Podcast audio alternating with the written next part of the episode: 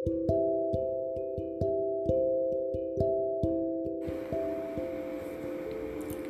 Alkemis oleh Paulo Coelho Prolog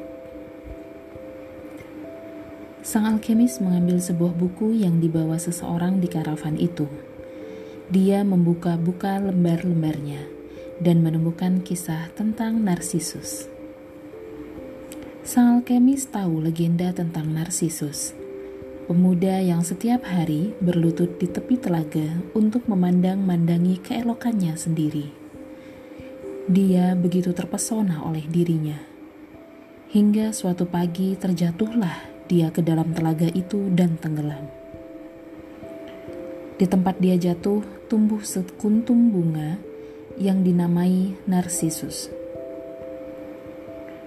Tetapi si pengarang buku tidak menutup ceritanya sampai di situ dia berkata bahwa ketika Narsisus mati, dewi-dewi hutan itu muncul dan mendapati air telaga yang semula tawar berubah menjadi asin oleh air mata. "Mengapa engkau menangis?"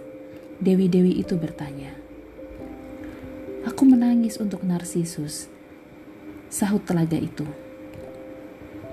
"Ah, tak heran kau menangisi Narsisus." Mereka berkata, Sebab, walaupun kami selalu mengejarnya di dalam hutan, hanya kau yang dapat memandangi keelokannya dari dekat. Tapi, sungguhkah Narsisus elok? Tanya telaga itu. Siapa yang lebih tahu kalau bukan dirimu? Para dewi menyahut dengan heran.